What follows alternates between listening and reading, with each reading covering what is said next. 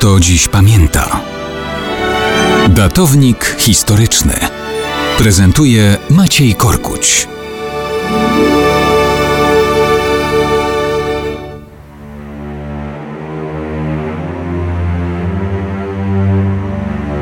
Mało kto dziś pamięta, że 15 października 1941 roku, a więc równe 80 lat temu, Hans Frank publikuje rozporządzenie o ograniczeniach pobytu w generalnym gubernatorstwie. Rozporządzenie jest krótkie i treściwe. Punkt pierwszy mówi o tym, że Żydzi, wcześniej przez Niemców zagnani do gett, nie mogą wychodzić poza wyznaczone granice bez upoważnienia od władz okupacyjnych. Rzesza niemiecka pokazuje w ten sposób siłę niemieckiego porządku. Jeśli ktoś, kogo Niemcy według własnych norymberskich kryteriów uznają za Żyda, chce wyjść poza wyznaczoną dla niego dzielnicę, musi mieć zezwolenie państwa.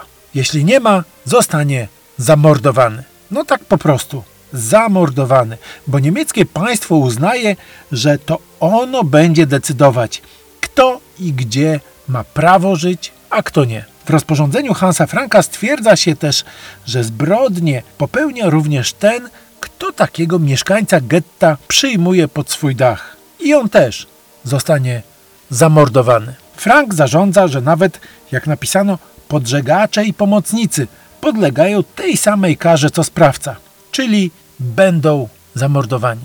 W wolnej Polsce sprawą prywatną było, kto kogo przyjmuje do domu. Państwu nic do tego. A teraz okazuje się, że pod władzą Rzeszy, w ramach nowych porządków, państwo może zamordować każdego, kto przyjmie albo pomoże w przyjęciu pod dach innego człowieka, tylko dlatego, że ten jest Żydem.